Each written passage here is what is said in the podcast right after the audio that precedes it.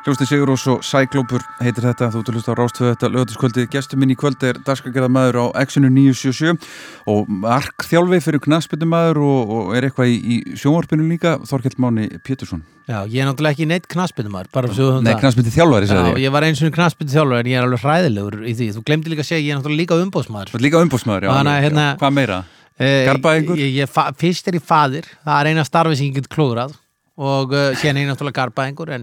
já, já. Eh, það en ég er náttúrulega, já, allir ég sé ekki fyrst og síðast uh, þessi þrý hlutir að vera daskar og gera maður, umbósmaður og, og marktjálfi. Það sé svona það sem uh, maður gerir aðala. Mart? Já, Mart, uh, það er bara út af því að mér finnst að maður þurfa að hafa gaman að lífinu, sko. Mm -hmm. Og þú mhm. veist að maður verður að prófa eins mikið og maður getur. Já. Og, og það er náttúrulega kannski bjóstengi við því að ég er ekkert um að fókbaltjálfa, en það var bara eitthvað sem ég langaði að gera, sko. Ég hef alltaf sagt að, sko, að draumurinn hafi verið, sko, að verða góð fókbaltamæður og góð tónlistamæður. Já en síðan hafði ég bara enga hæfileika til þess að gera sko þessar hluti, hvorki ég er alveg spastískur reyfingum og, og algjörlega laglaus og get ekki spila á hljófari að þá var fínt að enda bara sér þjálfari og, og umbóðsmaður þá getur maður verið svona partur af því að, vera, að hafa gaman á hlutunum. Mm -hmm. og hérna og, og bara næstu því live in the dream bara kannski ekki alveg svo ég ætlaði en ég held ég sé ágætlega góður í þessu. Já, ertu, lítur þú meira að þessum knallspinnu áhuga mann en, en tónlistar áhuga mann? Nei, ég geri það hefði ekki. Hann finnst ég að sinni mínum einhvern tíma þegar hann var að spila fókbalta og, og, og hérna og, og var eitthvað svona þjálfurinn fannst hann eitthvað að vera oft hens að vera að spila leiki og sagði sko við höldum að þetta sé út í að pappiðin sé að setja uh, svo mikla press á þig Sennast, og þá hlóð sónu minn mikið og sagði þið eru algjörlega miskilið það pappið á engan á að ég er í fókbaltamæður hann vildi að ég er í rockari sko. þannig að ég líti alltaf á þannig ég er fyrst og, og, og síðast sko, uh, sko tónlist áhamæður og hefur og miklu meiri á á því Já. alltaf en ég hef alveg gríðarlega gaman á fókbalta mér, mm -hmm. mér finnst það alveg frábært dæmi mm -hmm. en, en fókbaltamenn eru almennt ekki með uh, góðan tónlistismökk Nei, það er hægt að færa rauk fyrir því. það er, eh, það er svona eitt sem við getum kannski fundið eh, og hann er nú í vinnu hér stundum, hann, eh, hann Gunnlaugur Jónsson. Já, nákvæmlega. Og veist, þeir eru alveg nokkri sem hafa leik gaman og ég hef alltaf gaman að hitta fókbaltamenn á alvöru tónleikum. Já. ég er, alltaf, ég er alltaf gladur fyrir þeirra hönd ég bara, hei, þetta er hugsandi ná ekki. Þú vildi byrja á, á Sigurós ég mann þegar við vorum saman á Exxonu þá vorum við ofti í minnilöta uh, gagvart þessari hljómsveit allavega þá. Já, við vorum það, en það, þú veist og Sigurós er flókið útvarsband sem slíkt. mjög, lengi, sko, lengi að byrja laugin og þau eru laung Já, þau eru laung og ég er náttúrulega, er búin þetta er svo fyndið, mann finnst þetta oft svona svolítið komist sko, þú veist að ég man aðna þegar þeir voru, Jósi og Georg og, og voru að byrja með Sigurós og alltaf frétta og, og orrið þá, mann eftir honum bara þegar mann á trómmunum og seltjarnir líka sko, að hérna að þú veist, þá hittir maður þess að stráka og ég var umba ensými þá svona í kringum já. þetta 96, uh, hvað það er sko og þeir byrja að springa út. Og voru að hitta upp fyrir maus mjög já, mikið. já, og, sko, og, og, og síðan verður þetta band svona með tíð og tíma bara sko uppáhaldsbandi mitt. Mm -hmm. Sigur og sé bara, þú veist, ég er bara með þá í guðatölu þessa músík það er alveg sama, ég hef aldrei skilið fólk sem segir Sigur og sé svo þunglind þá er ég alltaf bara, þú bara skilur ekki músík því að það er fátt sem fær mig til að komast í betra skap heldur en hlusta á Sigur Já. það er svona veljan tilfinning að hlusta á þá. Mm. og mhm. hérna og það finnir svona með áraunum að núna þú veist ég hitti þá verður maður bara hálf starstrukt þegar maður hitti þá sko. Mér finnst þetta sveit uh, það geggjus Samála, alveg, absolutt. Einn ein, og líka árangurinn með þessa músík út af við er uh, ótrúlegur sko. Já, þetta er uh, sko þetta eru svona, svona einhverju leiti, svona, það er notað ofta orðið svona kritiklega kleimt uh, yfir einhverju hluti. Og við hefum náttúrulega fullt af böndum eins og Kalli og Offmorster sem, sem er að tala kannski inn í sko meiri svona pop-kreðsju mm -hmm. og, og það er uh, sko þannig að sko loyalty á svoleiðis artistum er, er ekkit endilega mikið. Mm -hmm. en loyalty er svo til dæmis á Sigurós sko ádáðandarum, það er gríðarlega mikið. Já og, hérna, og þetta er náttúrulega þannig að og satt með þú nú fara á tónleika elendis með Sigurós að þetta er, eh, sko, þetta er bara alltaf eins og að vinna eitthvað landslik þetta Já. er bara svo að vinna Austuríki á síðustu segóttunum þú sér þess að stráka og, Aldrei, sko. og við byrjum á þessu og þetta verður alltaf verið mjög gaman því að strákandi mínu vita að ég er mikill Sigurós-rátándi og ástæðan við byrjum kannski á Sæklópur það er svona síðastalega því ég mann að við fórum á mynd sem heitir Aquaman sem er nú ekki sérstaklega góð mynd sko. skjálfileg mynd, skjálfileg mynd en, en, hérna, en þar er mynd sko byrjar Sigurós og, og byrjar myndin á þessu lægi Já og þá pikka ég í drengina mína og segi þetta er Sigurús þetta er Sigurós og þetta hefur komið fyrir margóft þess að við erum að heyra einhver Sigurós lög á hinum á þessu stað. Og maður er alltaf svona bara stoltur. Maður er bara, er, þetta er bara, veist, íslenskt. Þessi strákar, þeir eru algjörlega með þetta sko. fast alltaf að maður sé að skora mark. Nákvæmlega, ég, sko, á eina, eina góða ég hef séð á nokkur sinnum í, í útlandi ég sá einu sinni á e, pinguleitlum stað í Hollandi, Amsterdam, bara þúsund manna stað. Alveg, hérna, magnaði tónleikar í Paradíso heitir það, í, í Amsterdam. Og við finnum niður tónleikarnir svona hálnaði fyrir niður á klósti og þar er bara, þú veist, hjón svona millir 40 og 50 mm. og maðurinn er að reyna að hugga konu sinna og hún er algjörlega sko hórgrenjandi og make-upið allt komið út um allt og bara grætur, grætur, grætur. Og ég einhvern veginn bara átta mig, setja ekki alveg saman tvo og tvo strax og bara er ekki, er ekki allt í læg og hún bara einhvern veginn, þetta er ómikið, þetta er ómikið og bara Já. var bara sko, já, tilfinningin á Sigur og þetta er sko, ég hef aldrei á æðminni farið á Sigur Rósa tónleika ég held ég bara að all, farið á alla tónleika sem er á haldi þetta síðustu árin það sem ég ekki fengið gæsa á sko. það sem maður hefur verið bara þetta er bara geggjað sko. Herru, byrjum á þessum 20 spurningum mm -hmm.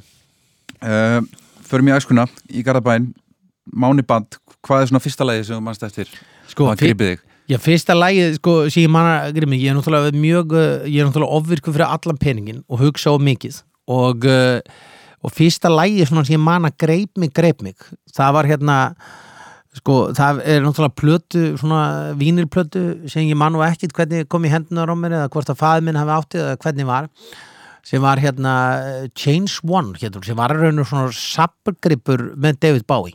Já. og þar var að finna henn ímsu lög, uh, fræglög sko, þar var til dæmis uh, lægið Space Oddity með, uh, með Bowie og ástæðan fyrir kannski að ég, mér fannst þetta lag svo geggjast sko, það var út af því að sko, ég átti mjög öðvilt með að fara í alls konar uh, dagdröma og þetta, var, þetta lag var mörguleiti sko, þú veist, allir maður ekki byrjaði að hlusta á Bessa-plötunar á sínu mm. tíma þegar var verið að fara með manni gegnum uh, kardimónum bæri eða hvað þetta hétt nú allt saman hana einhver ævintýri uh, og hérna að þá, þá var þetta svona sama upp, uh, tilfinning að hlusta David Bowie þú varst einhvern veginn bara sko í ferðalegi mm -hmm. þegar þú sko byrjar að skilja textan og svona þá fannst þetta bara, wow, þetta er rosalegt sko út í geim út í geim og bara alltaf gerast. Og þetta var svona fyrsta músikinn sem vilja mjög skrítið þegar Já. maður er, þú veist, 11 ára 12 ára krakki að hafa gaman á svona hlutum. Og ennsku kunnundum mínu var ekki eins góð og 11-12 ára barna í dag. Því, veist, við erum náttúrulega aldnir upp á öðrum tíma. Nákvæmlega, við erum ekki aldnir upp á Simpson. Space Oddity, David Bowie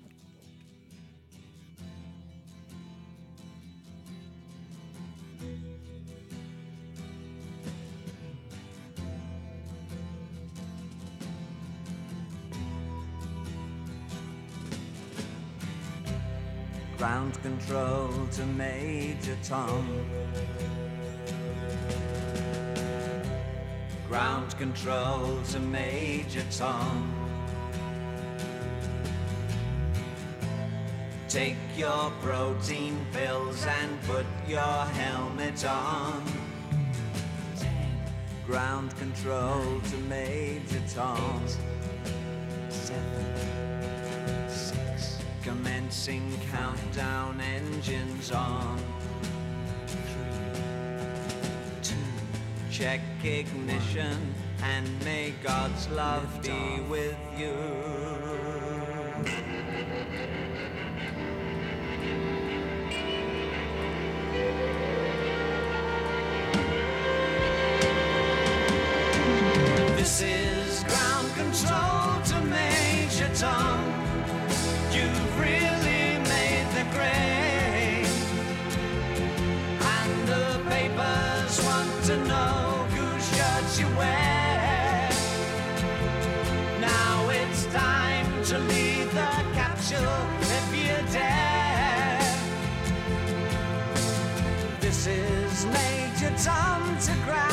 Control. I'm stepping through the door. And I'm floating in a most peculiar way. And the stars look very different today. For here am I sitting in a tin can.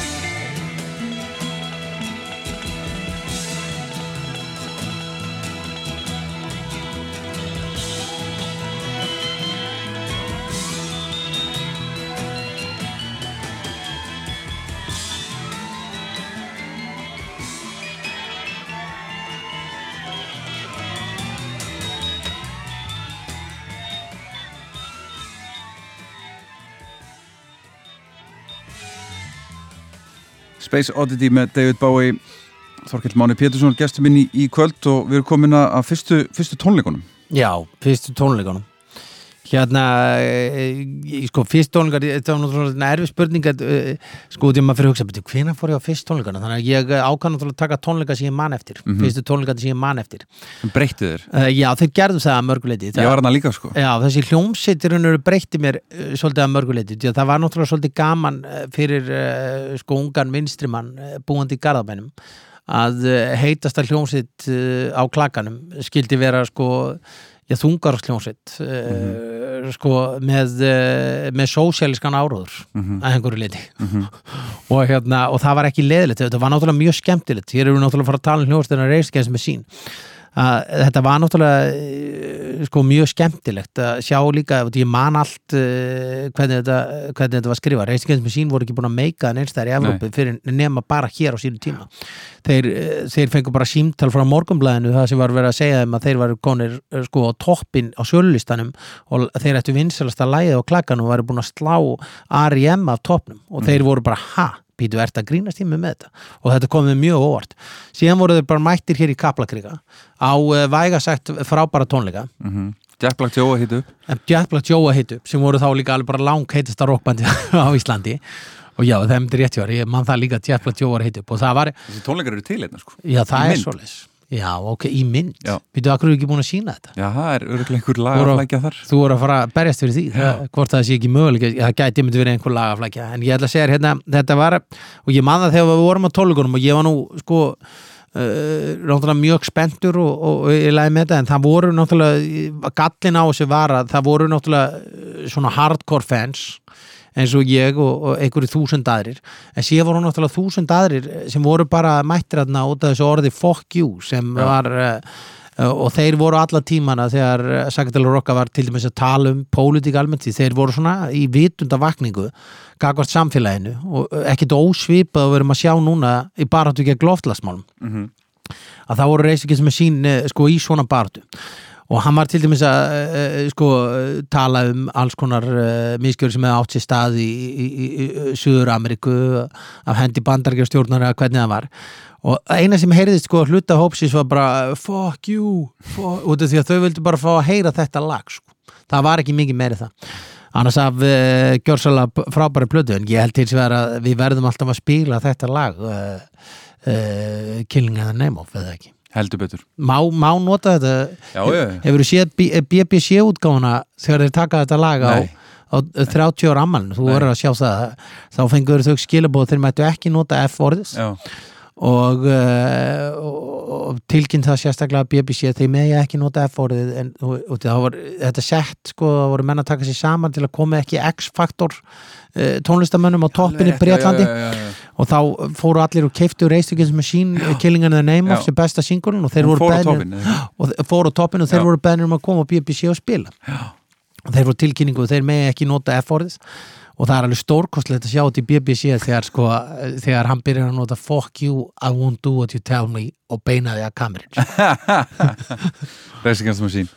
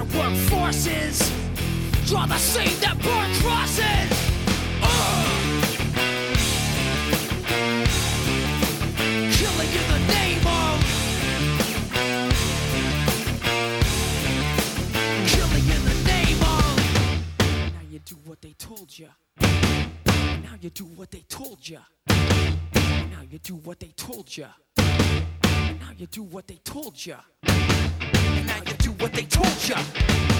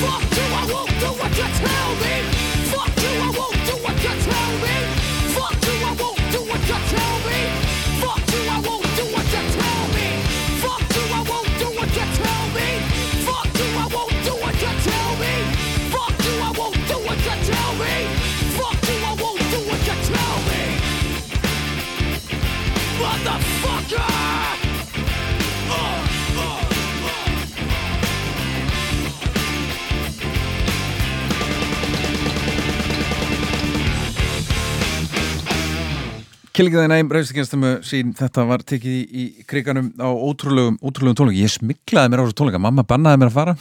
Já, en þú náttúrulega bjóst bara rétt hjá Já. Já, Og þekkti náttúrulega krigan bara eins og, eins og hendin á mér, sko. Ég vissi nákvæmlega hvernig, ég bara lappaði eins og ég var að fara á handlæðingu. ég sko, ég elska kaplakrika Það er bara þannig ég, sko, það er uh, sko, Það er lykt þarna. Nei, sta- staðista mómentið sko, sem ég átt á knastbyttumvelli uh, sko er náttúrulega Ólaður já. Kall Finnsinn að tryggja stjórninu í Íslamestari til 2014 og uh, síðan náttúrulega í fyrra þá uh, var ég með Friðrik Dóri í Kaplakrika á tónleikum, þannig að það er svona best hefnuðustu og þá eru 5.000 mann þar á tveim tónleikum og þetta var sko best hefnuðustu hlutir í mínu lífi, eru oft gerst þannig í, í, í Kaplakrika Já, enda, enda bjóst í hafnum en, líka. en þeim finnst það ekki fyndið þegar ég er að segja þetta fangandir sko Herru, við ætlum að halda okkur í æskunni mánu, þú, hérna, og elst upp í Garabænum, eða ekki? Jú, jú Og hérna, þessi tónlistaráhugi, endur speglast hann í, í góðu uh, plötusöfni heima hér? Nei, sko, þetta er einmitt þessi málið hann gerir það í raun og veru ekki Áttu, áttu eldri sískinni sem að... Nei, ég á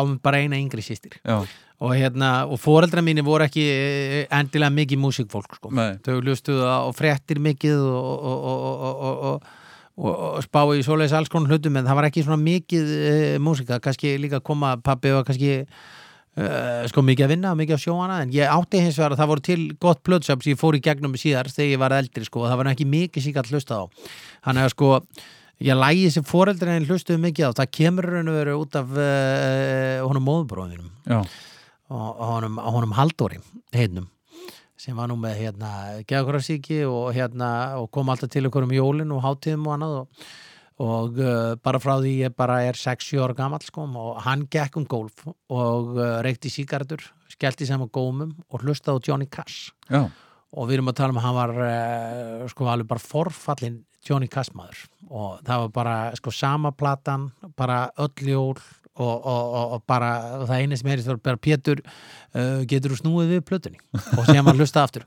Og meðan var ég kannski að að hérna að uh, setja saman playmóðið að leggóðið sem ég fekk í, í, í jólagjöf.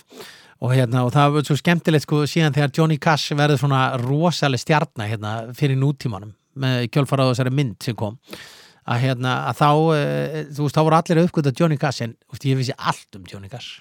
Og veist, ég kunnu öll þessi og hérna og það var e, honum Dóra Dóra frænda að þakka. Og við hérna sko eh, ég valdi nú annan lag sko en það, við, við spilaðum nú í útförunars þá var spilað Johnny Cash lag sem er nú samið á honum hérna uh, Bonnie Prince Billy, betur heitir hann ekki hérna See the Darkness sem er nú svona sko einhver stórkostlegasta klónun á lagi sko, veist það frábært lag. Icy Darkness. Já, I See Darkness, alveg stórkostleg lag sko. En þetta er náttúrulega þessari plötu sem var mikið spiluð heim með mér. Ring of Fire, Já, Johnny Cash.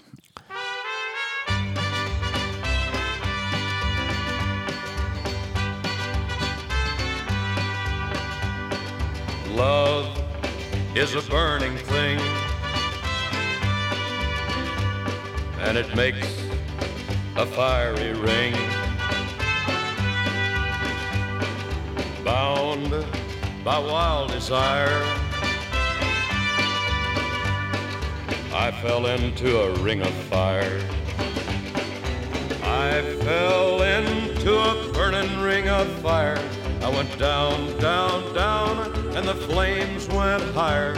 And it burns, burns, burns, the ring of fire, the ring of fire.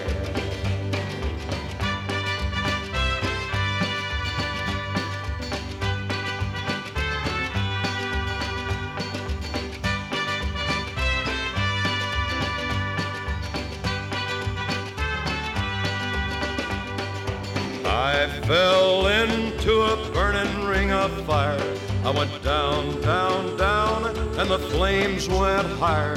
And it burns, burns, burns, the ring of fire, the ring of fire.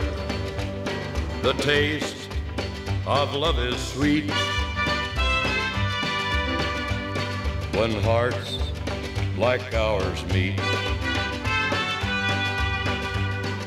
I fell for you like a child. Oh, but the fire went wild. I fell into a burning ring of fire. I went down, down, down, and the flames went higher. And it burns, burns, burns, the ring of fire, the ring of fire. I fell into a burning ring of fire. I went down, down, down, and the flames went higher. And it burns, burns, burns, the ring of fire, the ring of fire. And it burns, burns, burns, the ring of fire, the ring of fire, the ring of fire, the ring of fire. Johnny Cash og, Ring of Fire syngur hann uh, mánið, það er sagmynda Sælan næst, já, lægi sem þú sagði ringum að það er gaman að ég æsku já, og já. þú er spenntur að sjá þetta hér? Herru, já, ég, eh, já, þú var spenntur að sjá þetta. Já. þetta, ég þurfti að hugsa þetta mikið sko, málið er að hérna það er alltaf svona lag í æsku Já, ég verður vel að segja, sko, þetta er, þetta er skemmtilegt, sko, hérna, uh, sko, já, ég, uh, þetta lag er Michael Jackson. Já, og hérna, ég hlusta á Michael Jackson kannski lengur en flestir gerðu. Og fannst það kannski lægi þú veist, ég mætti í skólaferðalega um haustið að vera með Michael Jackson uh, á kassetu og fólki fast að skrítið og ég fekk svona, hmm, já Hvað voru það ok. allir komnir í? að þá vartu ykkur svona stelpudæmi. Ég man nú ekki hvað allir voru konir í þá sko. Þá var nú Michael Jackson svona meira stelpudæmi. Ég var náttúrulega æskuðinu minna Steini sem bjó í húsinu liðinu og hann var líka mikill Michael Jackson maður. Hann nú alveg upp á miklu tónlistarheimili og hann mikill Jackson maður og alls konar svona og hann held nú áfram að vera Jackson maður og því að maður fekk svona glósuna sko þegar maður var sko þetta væri svona kvenlegt og maður verið eiginlega bara hommi að vera að hlusta á Michael Jackson sko Já, og hérna, eh, þú veist, við náttúrulega búum við öðru sér tíma það. sko 80 og, og, og, í kringum 84-6 sko. og hérna, þetta var svona það sem maður fekk að heyra í skólanum sko. já, og, og ég var svona en uh, sko, Steini minn hann var hins var alveg bara harður Michael Jackson, hann hjælt þínu bara áfram sko. Sko hann átti nú eftir að koma úr skápnum síðar sko, hvernig sem, sko, hvort það hefði haft með Michael Jackson að gera eða eitthvað annað sko, en sko já, það, þannig að ég eh, sko hafði gamal Jackson, síðan náttúrulega breytist þetta náttúrulega með tímanum, maður finnum kannski sko finnast Jackson var hræðilegur. Síðan sko fyrir maður að byrja virðingu fyrir hann aftur. Og síðan náttúrulega núna stendur maður bara í einhverju stóru spurningamerki bara what, hvað er að gera sko? Já.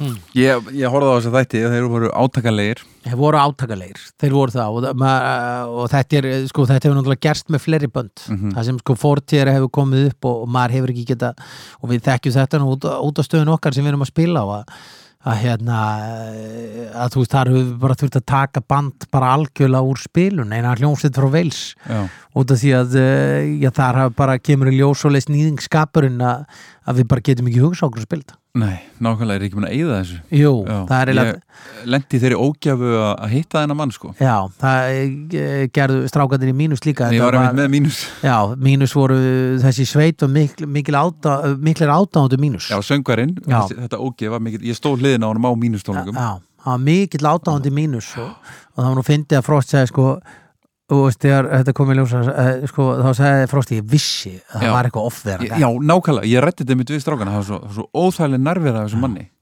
Og það er ástæði fyrir því. Heldur betur. Það er alveg ljóst. Þetta sko en, en ég, ég, og ég vel þegar þetta lag nú þetta lag svona satt í, í minningur í einhverju svona ítalíuferð uh, það sem við verið að gera, við fórum náttúrulega mikið alltaf svona eitthvað, í einhverja menningaferði fóreldra bara í þrjár vikur, þá var til dæmis þá var alltaf farið til, þá- til útlanda í þrjáru Já, það var, eh, sko, þar voru menn virkilega vinir loftslagsins, Já. við skulum orða það þannig, sko. Í staða fyrir að fara í þess að tveggja þryggjadaferðir þá fór fjölskyldan bara til útlanda einu sinni og það var bara hendi þrjár vikur. Já, það bara, við erum ekki í neinu minna en það Nei, fljúum bara einu sinni og einu sinni tilbaka. Já, Auðvitað svo aftur eftir tvö ár. Já, sjana, já, já, aftur eftir tvö ár í mestalegi, ég held að við nú það heppin, sko, fóreldrar mínir sko, það var bara, sko, það var bara e, alltaf á mánudum og síðan var reynd að fara til útlanda hverju ári Nei.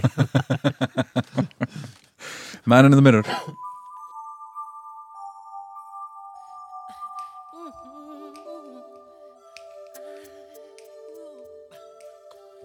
gonna make a change for once in my life. It's gonna feel real good, make a difference, gonna make it right. As I turn up the collar on my favorite winter coat, this wind is blowing my mind. I see the kids in the street with not enough to eat. Who am I to be blind, pretending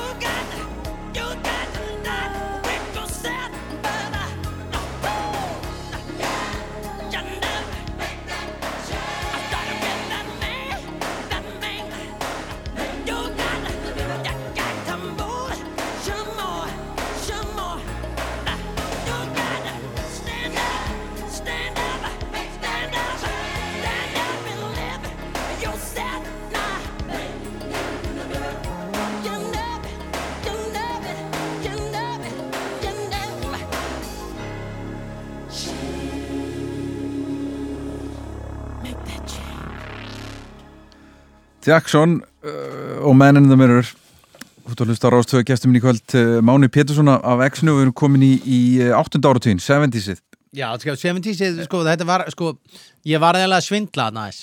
Já, Þegar ég var, sko, það voru margir svona 70s menn og voru að hlusta á þetta rock, þetta Zeppelin, Dót og allt þetta dóttir í. ég, var mynd, ég ætlaði að mynda að ræða eitt við þig að því að við erum að fara í þessa áratugin núna svona gömul lög, 40-50 ára gömul lög Já, að það er nú ekki mörg ára mill okkar en okkar kynnslóð, við erum svona sömu, sömu kynnslóðinni, X-kynnslóðinni svona stundu kallu, við vorum með baksinni speil þegar við vorum úlingar já, við horfðum tilbaka, við lásum gamla bækur, við hlustuðum á gamla tónlist og klættum okkur eins og hippar á mussu tímabil og Já, kom úti að buksur og þú já. alls konar og hafa svona dórsmyndinn og, og svona og við, við svona hlustuðum á Zeppelin og vá, þetta er besta rockbandi eða, eða Deep Purple eða Bílana eða hvað það er. Allt þetta gamla klassíska rock uh, þessi speil er algjörlega farin í dag sko. mm. kannski er það bara gott sko. já, ég eh, veit samt ekki hvort það sé eh, endilega gott, sko. Ég, nei, það er kannski Já, kannski er það að einhverju leiti en uh, uh, sko ég held að uh, það sé samt alltaf gott að horfa í baksinni speilin og, og, og, og, sækja í góða áhrifavalda Ma, uh, maður gerir það alltaf og, og, og, og heyra hvað kynnslóðunar undan höfðu að segja Mhm. þú veist, nú er þetta orðið oft sko svona kannski partur af einhverju já, einmitt eins og þú orðar það þú veist, einhverju uh, sko, einhverju gamalli fortíð sko. En sko, þegar maður oft fyrir að hugsa gegnum texta, þetta er eins og nú ætlum ég að nota hérna uh, sko kvóta það er einhvern veginn alltaf sama þegar þú lest í, í bókum eða hvað sem er og, og það er verið að segja manninu hvernig hann er að bæta sér sem mannvera, hvernig hann er að vera mannvera þá ertu raun og veru alltaf, alltaf að lesa sama. Það er alveg sama hvað við fyrir mörg hvort við fyrir þúsund ára aftur í tíman Já, já. þá er bóðskapurinn alltaf sama, sami og ég las einu sinni bóka þá uh, kom einhver sem var að fara að læra til prest uh, með, hérna, með þúsund bækur sem fjölluðum allt sem mannbætandi var og, og ég veit ekki hvað og mætir að sko, til læriföðusis og setur á borð og segir ég vil þú kennið mér allt um þetta. Ég vil vera bestur í þessu í heiminum og það voru skilabóðum mjög að uh, bara uh, kóttu fram við náungan eins og sjálfaðik allt annað í þessum bókum er uppfyllingarefni. Og það er kannski svoleiðis eh, sko líka, maður getur alltaf sótt í svona einhvern, eh, einhvern gamlan farveg í einhverja góðar hugmyndir. Og mér finnst það alltaf vera að gerast. Og ég held að margt sem er í nýri tónlisti núna hefði mátt kannski að mörguleiti farið fórtíðunum, spiluðu reistökja sem er sín mm sko Nirvana sögðu einu sinni að My Sharona sko, Já. þú veist hvað er My Sharona sko, sem er eiginlega hræðilegt lag að einhverju leiti og Dave Kroll sagði það er raun og veru upphafið og endirinn að Nirvana sko. þú veist og þá byrjar hann að sko slá taktin. Þú veist að menn sóttu í eitthvað og gerðu það betra. Sigurós, við erum búin að spila þá. Já. hvað sóttu þeir í? Þú veist að þeir sóttu í vörf. Nema þeir tóku vörf-konseptið sem þeir urðu, sóttu áhrif í. Já, veist, og þeir sóttu það e, þangað og þeir gerðu það bara tíu þúsund sinnum betur. Það er bara, þú veist, þeir gerðu það miklu betur. Þannig að það er allt í lægi að e, e, sko fara í baksinnspeilin ef við til dæmis værum ekki gera það þá held ég að hlutinir ég væri heila bara hálf leiðilegir Já, já. Maður þarf að sækja í áhrifvalda En þú svindlar í, í 70-sinu sem er allt í góðu Svindli sefti sínum Smá þú veist, svindl. ég náði ekki þessu sko Deep Purple, Led Zeppelin öllu þessu gamla rocki, ég náði bara ekki að hafa gaman að því Nei. og það hefur bara ekki neitt breyst sko. Nei, það, er, hérna- það er líka bara allt í góðu sko. Já, ég, eins og þú kannski veist að ég, þú veist uh, uh, það, það var ekki mikið um það á X-inu sko. og fyrst ég og, og hann kom að þetta starfi okkur einhver Ómar sem var með eitthvað svona Led Zeppelin eitthvað uh, sko uh, eftirnafn og við bara sem þetta gengi ekki hér á X-inu 977 og hérna en e, það er svona valdi ég lag sko sem er raun og veru á sko, eh, hvað kallum við á sjötta árið það er frá 67 og hérna og ég hef mjög gaman að þessari hljóðstu þessi hljóðstu er mikið gaggrind fyrir að vera ömulegi lagasmiður á sínu tíma. Þetta þótti ekki nógu fín tónlist og þetta var bara drastl og þetta var bara síning og ég veit ekki hvað og hvað. En einhvern veginn af svona eldri músík þá tengdi ég mest við hana og minn vina- vinahópur.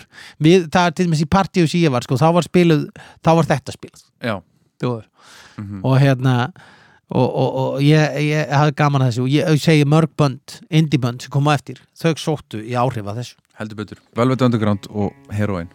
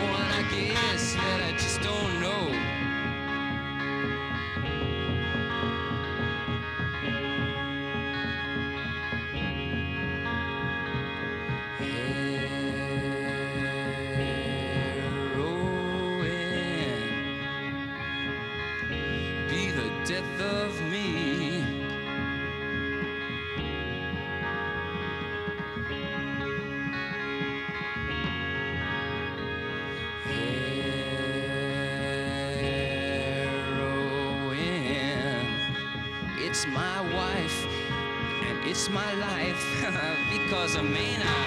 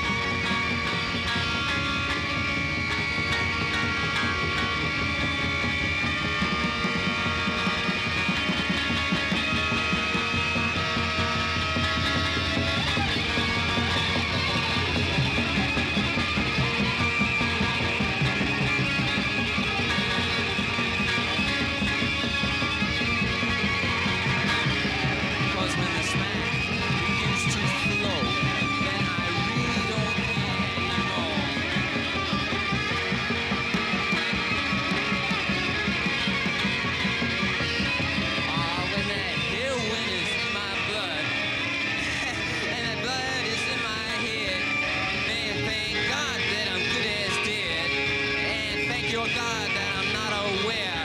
And thank God that I just don't care. And I guess I just don't know. Oh, and I guess I just don't know.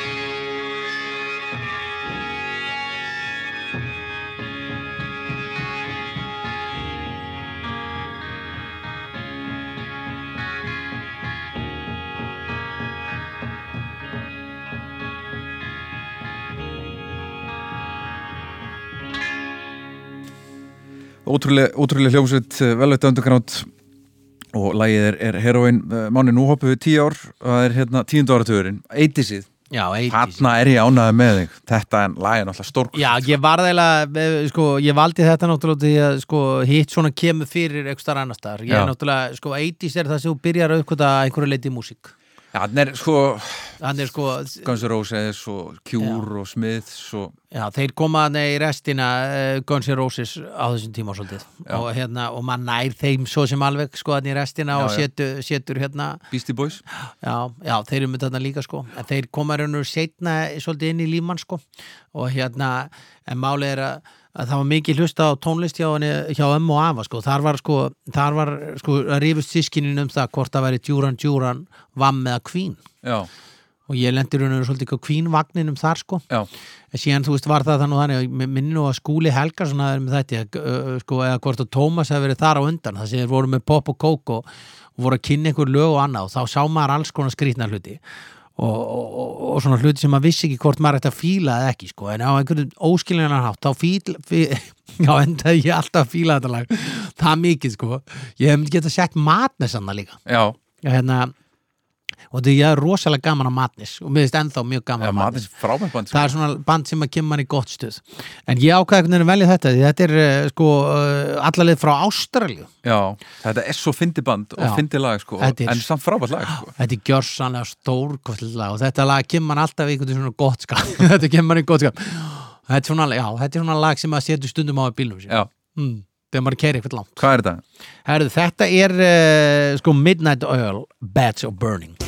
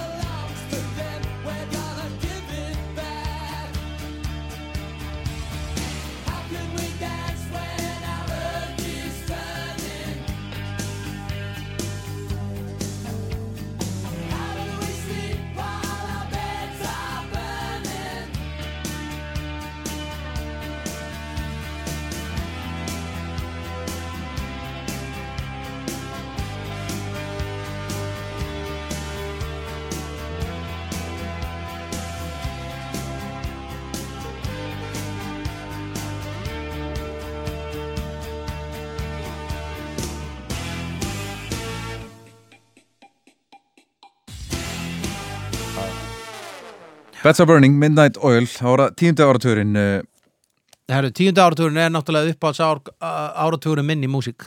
Já, Við fáum allt, uh, við fáum sko indið eins og engis í morgundagurinn og handbóltarokkið og já, handbóltarokk og, og grugg og Britpop og Oasis Blur uh, alla elektróningina, Prodigy allt rappið Er þetta besti, já og allt rappi líka sem ég er enda á. Hlust á. Enda uppáhaldsrapp mitt sko er á þessum tíma sko, já Er þetta ekki besti áratugurinn í alltaf músík? okkar við hver, hver, hver kynsla á sinn áratug og, og, og, og eiti súlingandi segja að, hugsa hvað mikið þessu hefur lifað í gegnum þetta allt. Já, við sumt ekki, sko. Já, er en alveg þú veist, skelfilegt. við erum samt með stefnu sem heitir uh, grunge.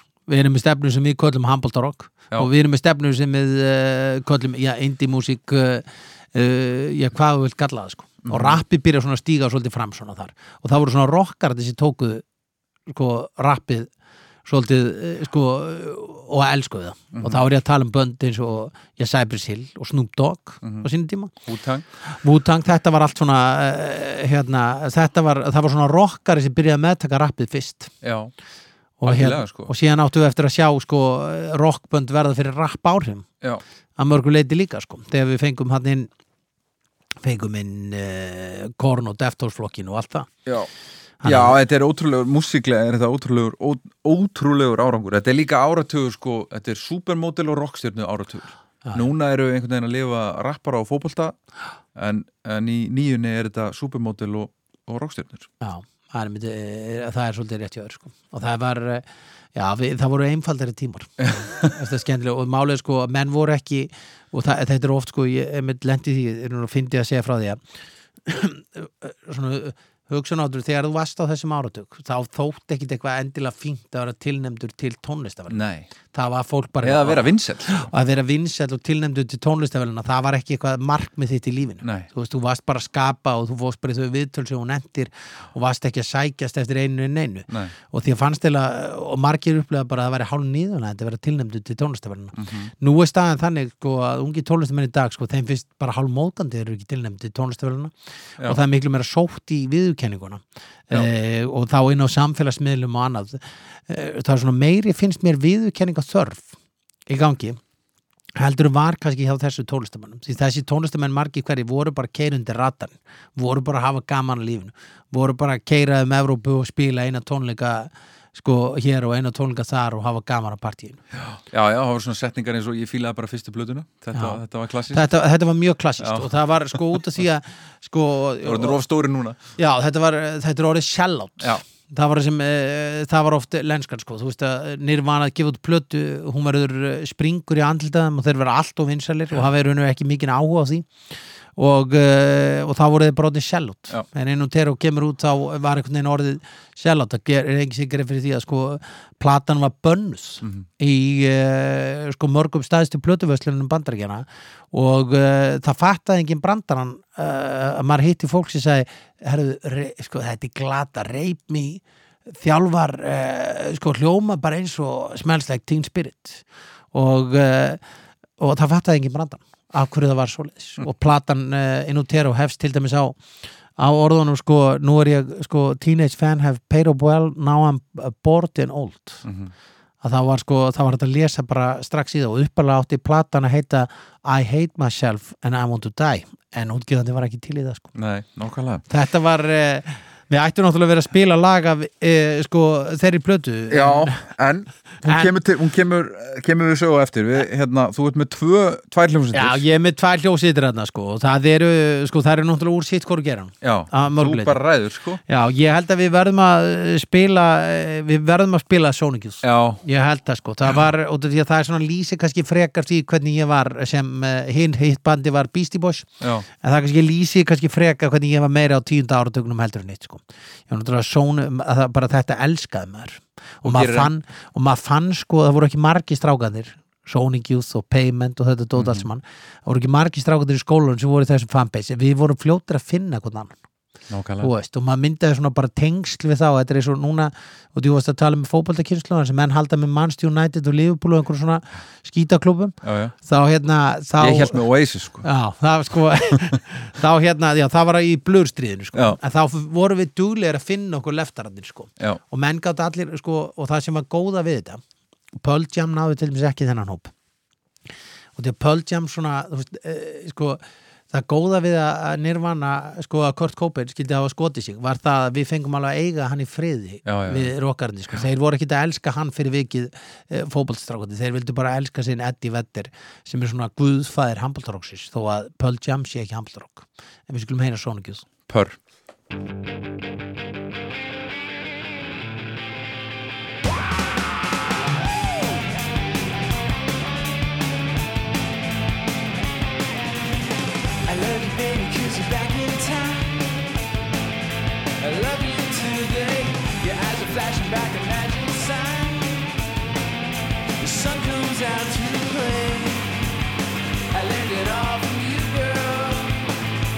it off of you.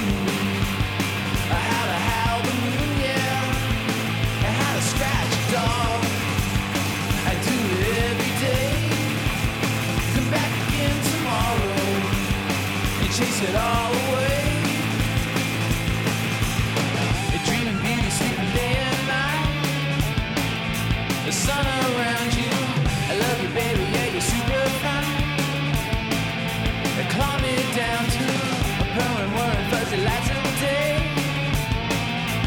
switching sunlight. A chasing kitten catch you every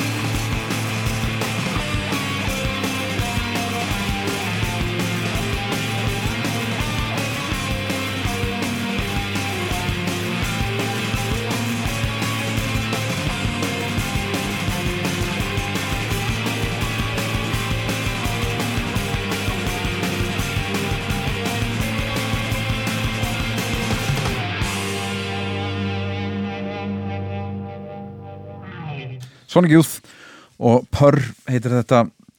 Herru, næst er það eh, sá listamæður sem er til í að sjá tónleikum manni. Já, ég mynd sko, ég geti náttúrulega alveg talið upp endalust á listamönnum sem ég væri til í að sjá tónleikum.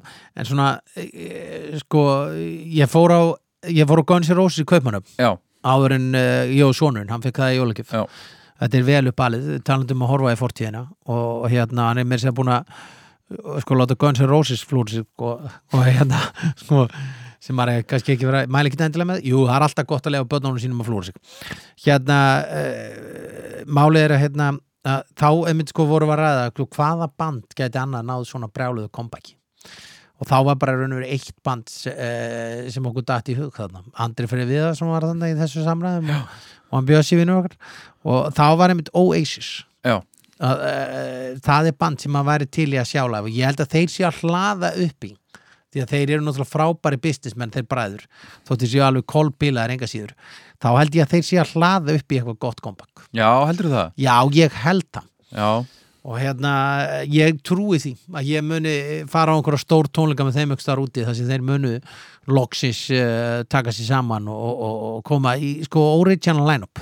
Því að þetta var frábær hljósitt Heldur Definitely. Maybe er gjör svona stórkostli plata alveg saman hvað menn reyna að halda eitthvað annað sko. og margar þessar Oasis plötur eru alveg frábæra þeir náttúrulega lendu því líka að vera að kalla þetta sellout ég til dæmis gæti aldrei ég til dæmis var alltaf Oasis megin í lífinu Já, líka. Blur sko. ég bara, mér varst Oasis vera miklu skemmtilega Já. Blur var bara eitthvað fyrir stelpur það, var, það var þannig inn í hafnöðri líka sko.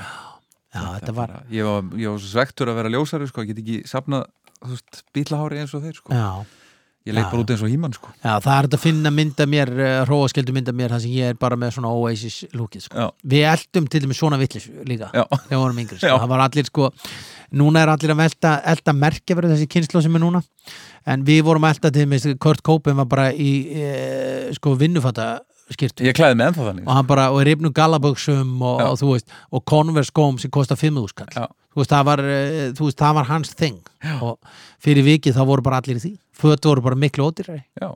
og hérna, umhverjus vitundin umhverfisvitunum en það er Oasis og síðan náttúrulega sko langa mig gríðarlega að sjá Adele ekkert um hann að tólum já, ég sammála þér með það. Já, hún er ótrúlega sönguna ótrúlega sönguna það er bara eitthvað við hana sem heilla mig alveg svilit sko. Já, veist, mjög fyndin. Já, þú veist, eh, einmitt, hún er svona töffar og það er að vísu með margar þessar bresku, þessar bresku artista. Þeir eru sko, þessar bresku konur. Það, það er eh, dólgur í þeim og maður hefur gaman að þeim og, og, hérna, og það er, eh, já, þú veist, ekkert ósvipað og íslenska konur í tónlist sem eru alveg sem eru marga hverjar alveg eh, sko með þræl mikið dólg þá er ég náttúrulega að nota orðið dólgur á jákaðan hátt sko, þú veist, það er ekkit það er eignir, sko við förum bara í gegnum þá veggi sem við þurfum að fara í gegnum. Nákvæmlega Þannig að hérna, já, það er Adele og Oasis, þetta er það sem ég væri til að sjá. Já, þú valdir ekki lag með Oasis, ég valdi lag, ertu sammála Live Forever? Já, það er bara mjög flott.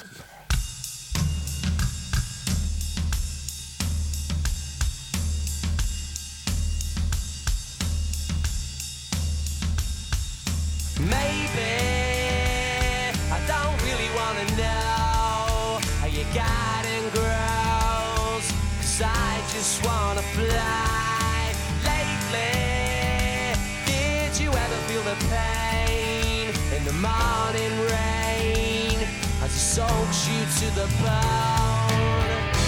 Maybe I just wanna fly, wanna live but don't wanna die. Maybe I just wanna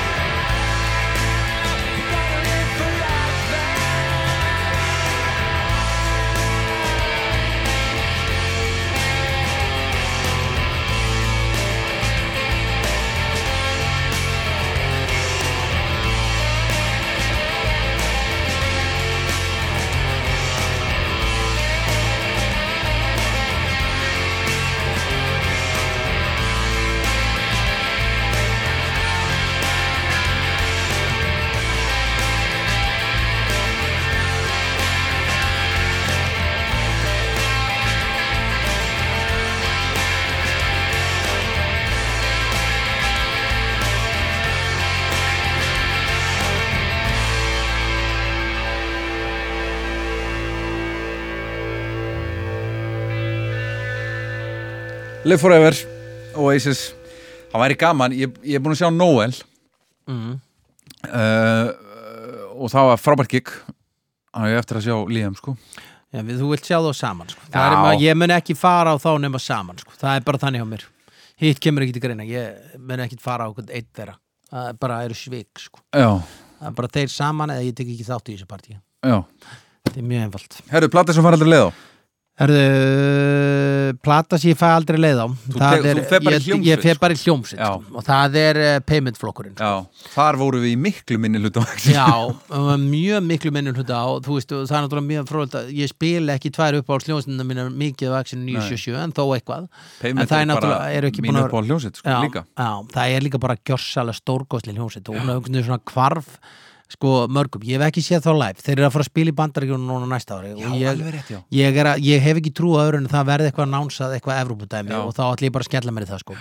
En Ég þér. Já, þetta, þetta er bara, þetta er bara mushy hann kom náttúrulega að spila þetta Stephen Malkmurs Já, og uh, málið er að þá var ég að hugsa um að fara og, sko, ég var náttúrulega að kaupa með miða og var að leiðinu á svo tónleika og með 41 stygg sitta sko, Já. þetta, og ég mista þessu, þetta er að versta. Þessi bara ég hef upplegað að missa þeim mikla snilliki en það, payment er einmitt líka svona band út í að þú veist, uh, ég veit ekki hvað þú þekki að maður sækir oft í sko músík þegar mann líður á okkur ákveðin hátt eða langar að líða betur eða, eða sko, uh, sko músík hafi þannig áhrif á mig þegar ég var yngri Mhm. og veist, uh, músík er heilandi Mhm. og ég held til þess að það sé mjög leiðilegt að hvað fólk er ofta að hlusta á mikið af músík sem er svona svona hinsegin og mér finnst þetta oft svona þegar barði, barði lísti einhvern veginn að spura hvað, um hvað eru textanir hann segi, það kemur þér ekki við.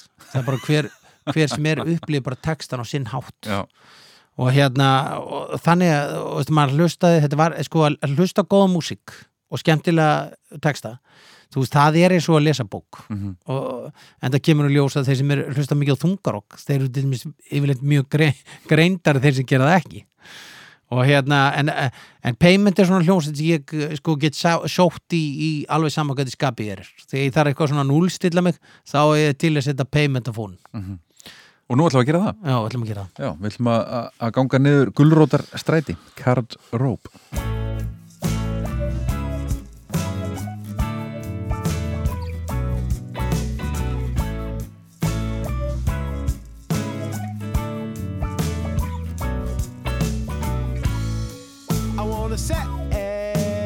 second-hand wonder, a thing that recovers the doubt. Slim like the rainstorm.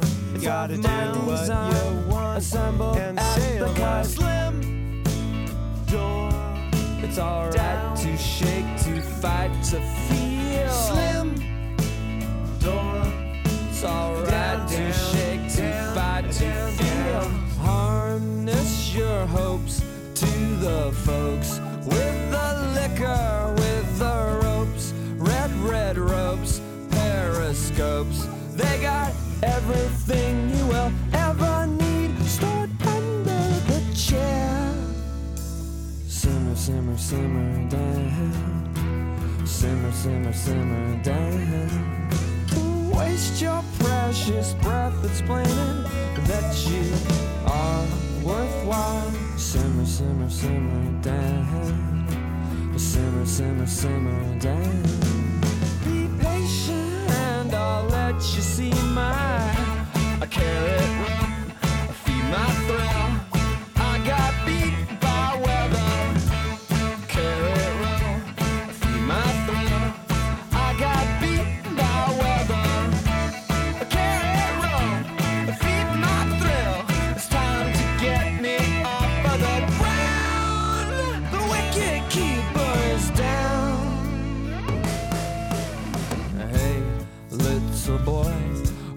You like to know what's in my pocket or not?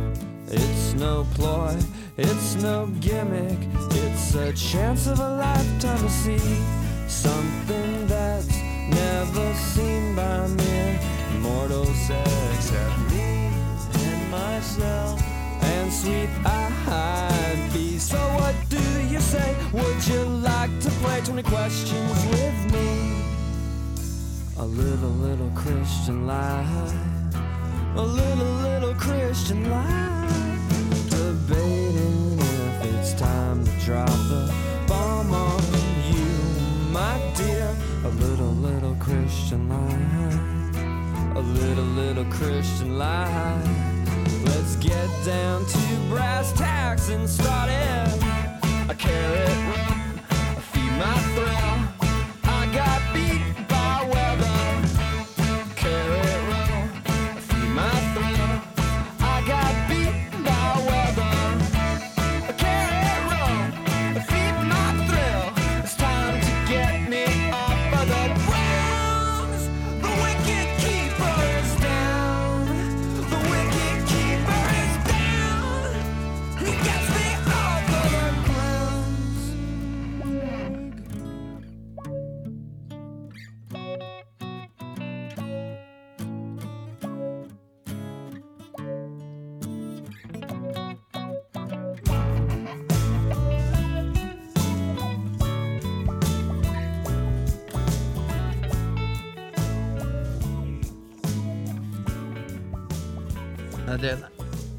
Af Terror Twilight plötunni síðustu stóru plötu Pavement uh, sem að verður einmitt uh, tvítu á, á næsta ári og, og, og þeir ætla að fara að spila einmitt.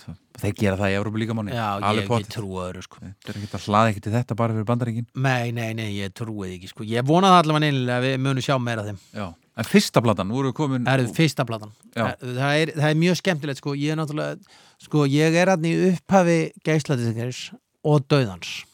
það, það, er, það er ótrúlegt hvað samfélagi hefur breyst. Já. og hérna og ég man uh, sko, hvort eða MC Janúar eða hvað sem er að hann unnar vinnu minn var með uh, MTV og það var hort mikið á Headbangers Ball og eitthvað svona dótri og það var bara heilega stundir að horfa á nýja músík. Og eitt skiptið þá byrja nú eitt svona slá í gegn og það er uh, varð síðan náttúrulega bara að reysi og það er duggu duggu duggu duggu og og hljómsveitin Nirvana og plata nefnum mænt. Og ég man að að- faðir þeirra drengja Arnar Sónars, hann Bjarni heitin hann kom, hafði semast farið til útlanda hann og, og frúin og, og Marja og, og keiftu þessa plötu að beðni e, Arnars og eldri bróðis og, við vorum að hlusta á hana ég og unnavinni minni e, einhvers þar inn í herbyggi á þeim og bara þetta er bara málið og hlustum á þetta lag marg oft þetta þótti svo rosalega merkilegt. Já, þetta ég- var bara, þetta var og þetta var, bara, þetta var bara upplifun að hlusta á þetta. Maður hafði aldrei Nei, en við áttum ekki geislaspilar á þessum tíma. Já, og, og þess vegna var að hlusta á þetta í dalpiðinni síðan meira þá keftu við geislaspilar sem var svona ferðageislaspilar sem maður tengdi við maður, sko mixerinn og uh, þá verður úr að ég kaupi í raun og veru sko geisliskinn þegar sem þeir eru bara orðin leiðir á hann. Já, og já, þá kaupi ég þennan og ég á, enn, og ég á ennþá þennan geislisk Já, hvort ég hafi keipt hann fyrir eitt landabrúsa eða eitthvað álug sko. Arnar hefur þurft að fá sér hérna, sko, en hérna og því ég man að hann átti þennan disk en, en hérna, og, og ég á ennþá þennan disk, þannig að ég líti alltaf á þetta bara svona sem fyrstu plötunum minni, því ég því lít ánaður eigana og ég held einmitt áfram að vera nirvana átáðandi og var alltaf alveg brjálaði nirvana átáðandi þar til alveg löngu áður eh, sko allir voru búin að yfirgefa nirvana og síðan eru þeir aftur vinsalir Mhm. uh, þegar Kurt Cobain ákvað að skjóta sér í hausinn sko mhm. og það er nú gaman að segja frá því, ég held að sé náttúrulega íslensku tó, uh, sko, hann Gústi sem tók- já. kamerumaður á, á, á þessu Já. Maður ekki það mjög merkilegt. Já. En hann hefur talað um fótbolta, hann hefur vitað fótbolta hann heldur með lýts Smells like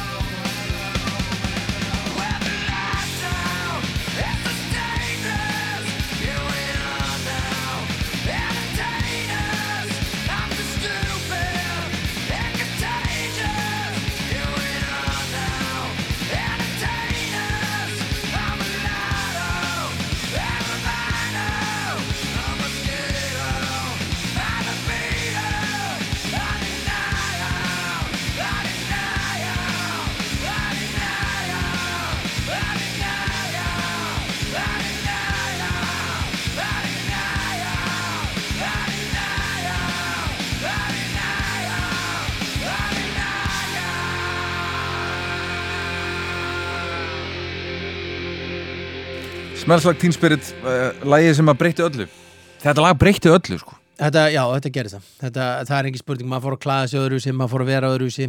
Já, Íþrótti voru hræðilega hallarslegar, maður hætti öllum íþróttum. já Þetta hefði þau áhrif á mann. Ég reif niður öll fótballaplakutu mín Já, fyrir nýranan plakut þetta, eh, þetta var bara indislegt. Þetta, og, og menn töluðu um sko, sko, uh, sko, þetta nú er oft svona vinsælt að menn tali inn í einhverja skoðanir á hlutum. Skiljum hvað meina?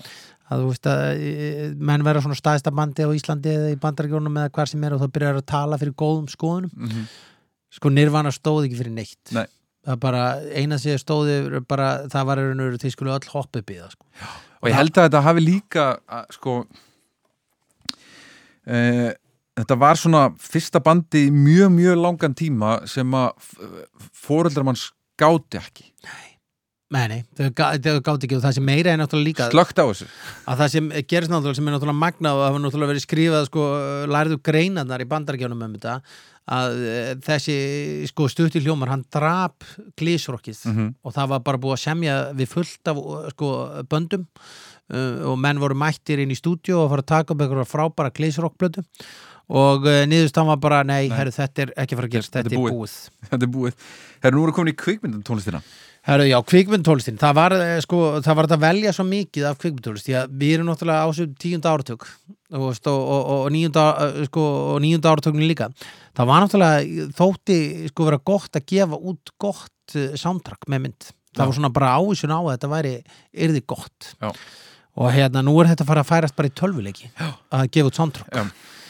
og hérna eh, og þetta var alveg frábært frábært oft þegar maður lendi á, á góðu soundtracki og síðan fannst mér mjög skemmtilegt og ástæða fyrir ég vel þetta náttúrulega að ég þarf að koma inn þessari skosku hljómsitt sem hefur verið miklu uppáhaldi á mér og að fróstífinu minn hefur sko alveg bara frá að við vorum í bæjaunni saman gert grína þessum ömulega tónlistasmekk mínum að hafa gaman að þessari eh, sko Kitty Hljómalend sendi mér fyrstu Teenage Fanclub Já, frábær hljómsveit Frábær hljómsveit. Alveg, og ég, ég ætla að sjá þá einhvern mann á tónleikum og, hérna, og ég loksist, þeir fóru loksist að gefa út á vínil og ég fór að kaupa þetta og svo ga, gaman sko að einhvern tímann þá skrifaði ég eitthvað sko, þá voru Teenage Fanclub að skrifa á Twitter eitthvað að þeir var að spila þarna og ég leik hvernig ætlaði að koma til bara, sko, það verið frábært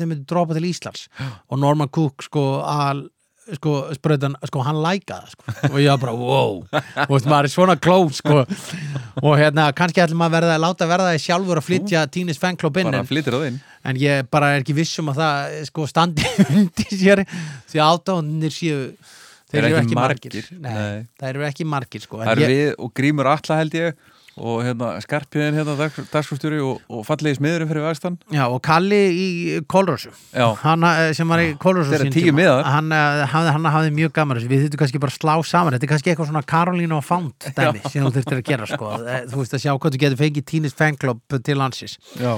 En sko þegar ég tók þetta þetta er úr soundtracki af ömulegri mynd. Já, ég veit ekki þú hvað Uh, myndir já, þetta er úr uh, mynd sem heitir, uh, skal ég segja þér, uh, akkur er alveg dótt út með hvað hún heitir. Þetta var semast ræðilegt hvað. við, við finnum það á meðan við Þú spilum leið finnur það með að spila lægið. En uh, þetta var að finna í mynd uh, Trespassing eða ekki man ekki hvað hún heitir. Þetta var svona soundtrack sko, það sem rappararnir og rockararnir, Judgment Night. Judgment. Just Midnight, við verum að muna þetta. Og þetta, þetta var nú meira allt í þingri kantinum Já. sem var þetta í bóði og, en þetta var, en ég var semast eini metalausin sem fílaði þetta lag því að ég er bara svo forfallin eh, Teenage Fanclub að ég held ég eigi alla plötunar með þeim. Já, og þeir náðu nú bara að gefa út góða plötu núna fyrir þrjumur ára síðan sko. og þeir eru ennþá að. Heldur betur Traveling at the speed of thought.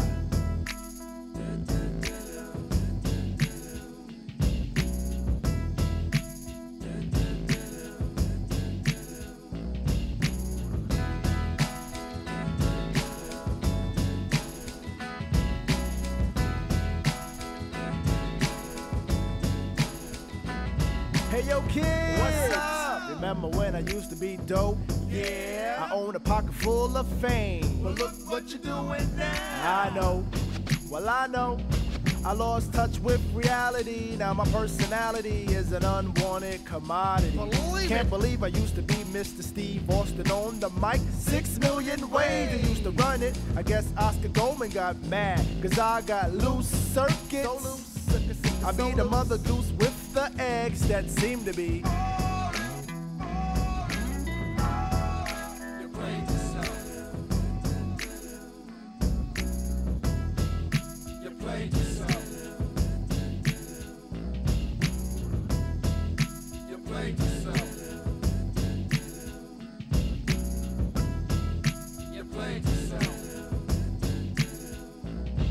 Hey yo, pack my bags, cause I'm out of here.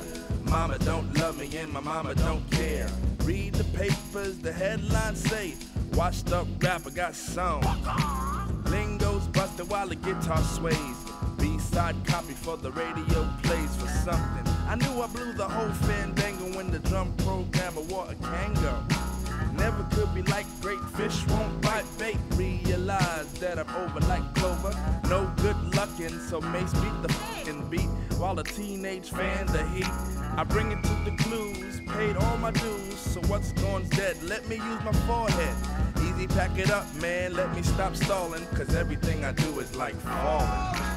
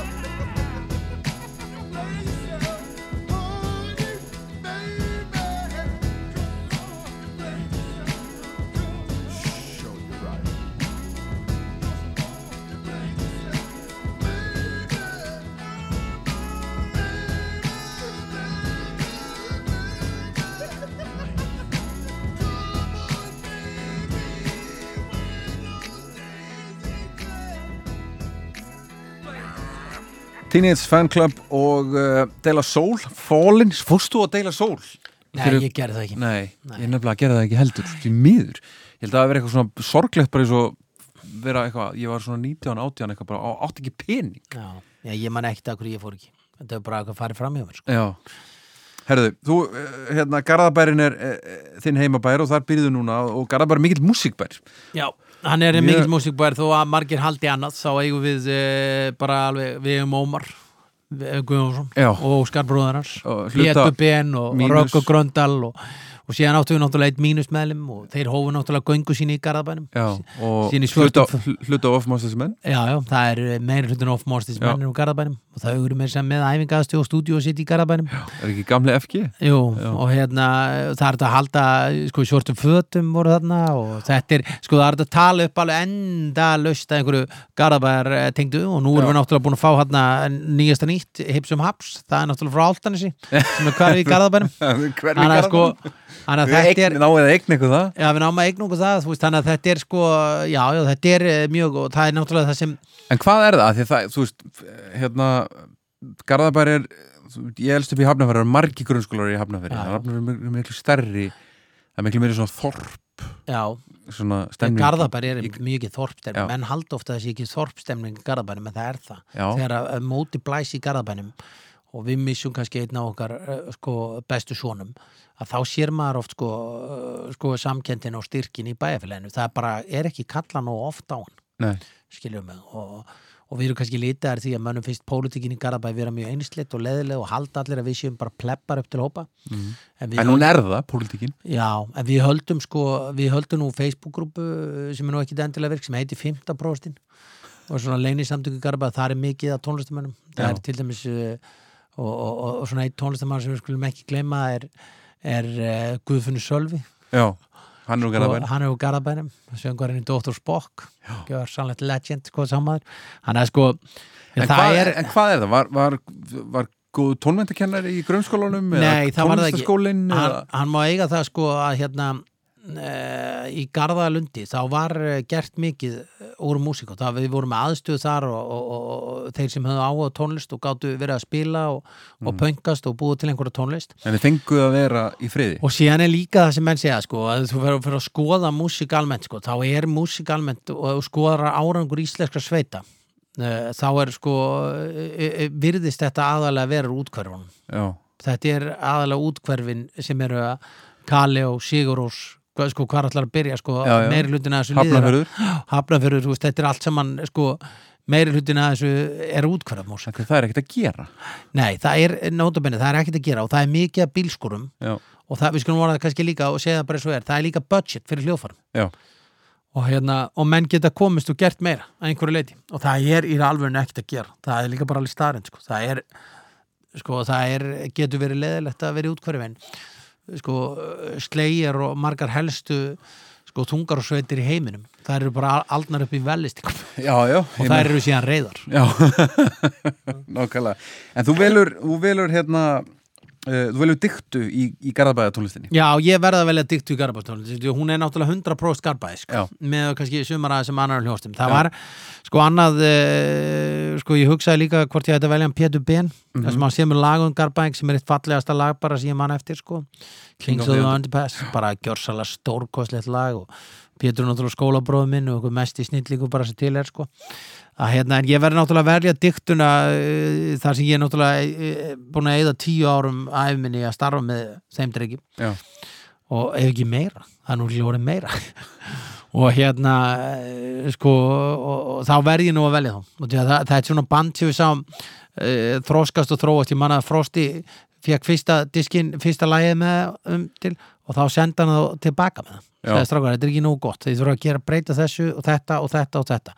Og þeir fóru bara að gera það og komið lagið aftur í spil bleiku sig Bleik og Shake, drukum og mikið að Bleik og Shake Já. ég samt að spila það ekki. Nei, við ætlum að spila Breaking the Waves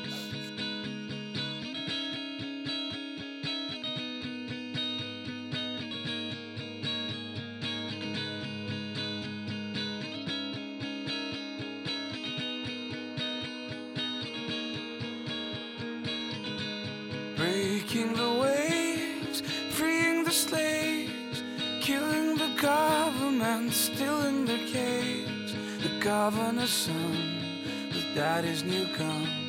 Come out and play, let's have some fun. Break all the rules and ruin the schools.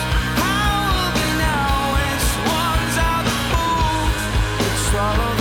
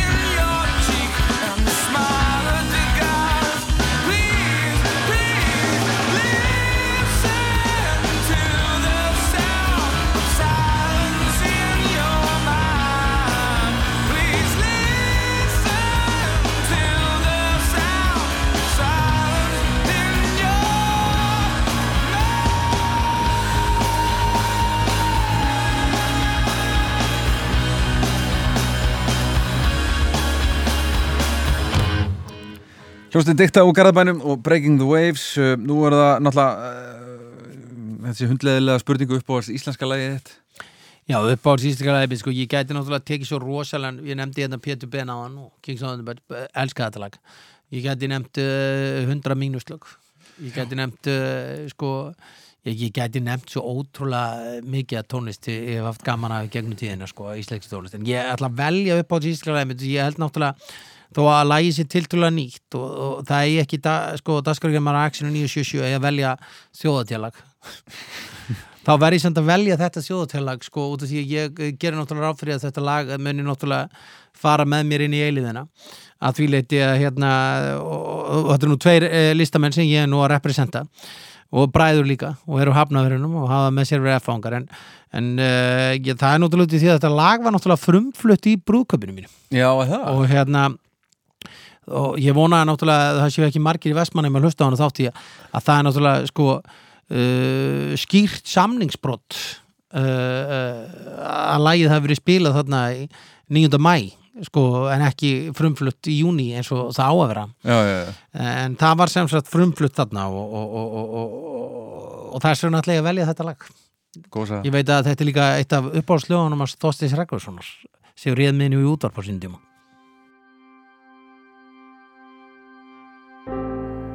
á þessum tíma ásins sem ég hugsa alltaf mest til þín. Til þín og ferðalagsins.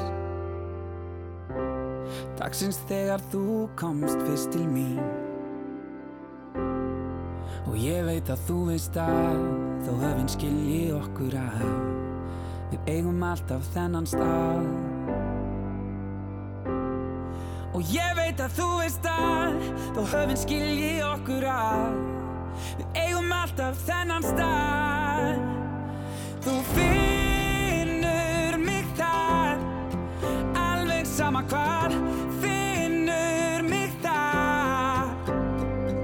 Þú finnur mig þar Alveg sama hvar. Finnur mig þar Á sama tíma, á sama stað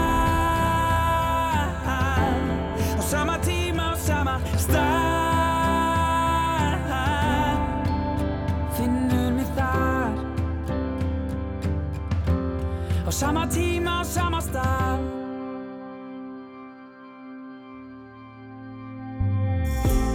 Nú hef ég ekki séð þig lengi. En mikið væri notaleg Ef ég aðeins fengi Að vera á ný þar sem þú er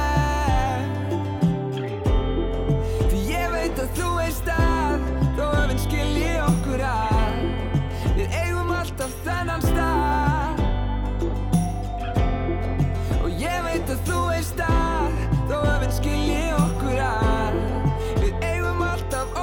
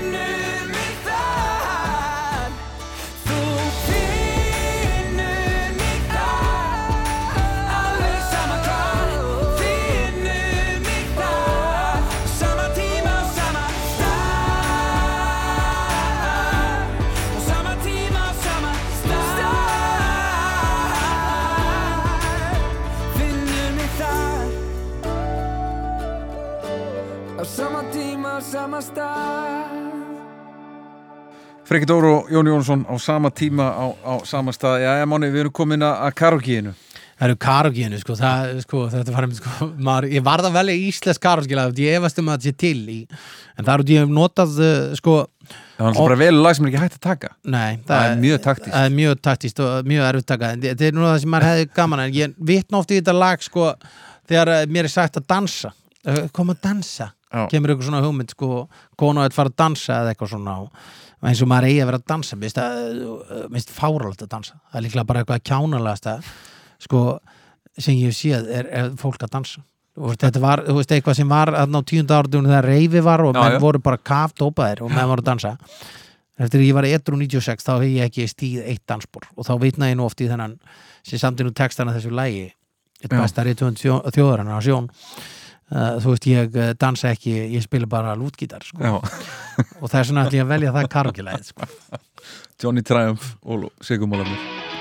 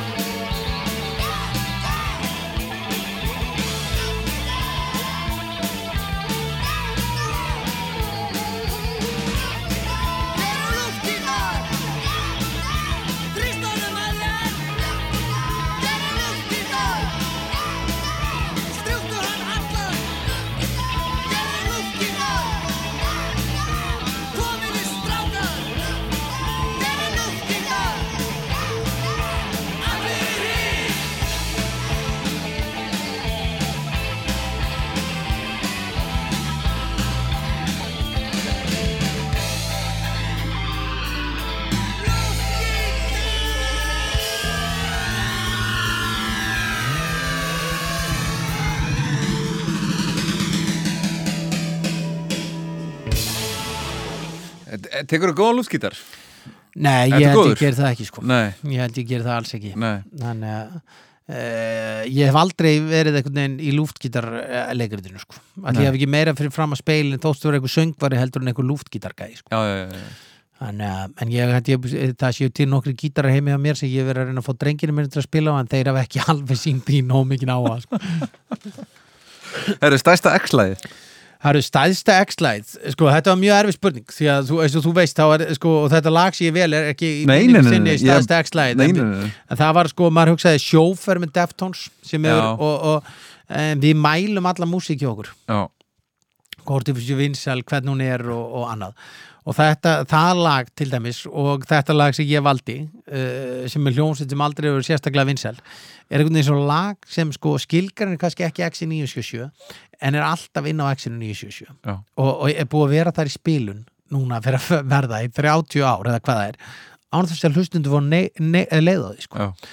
og hérna og, og þess vegna ætla ég að velja þetta lag þetta er, út í að þetta er ekki spila neins það er annars það meira og minna því kannski spila þetta einstaklega sinnum á rásinni til. einmitt það er helst sko það er svo mikið af uh, fyrir Max 977 starfsmönnum á rásinni að maður heyrir alltaf, maður getur alltaf gengið að þetta er góð músík annars sko.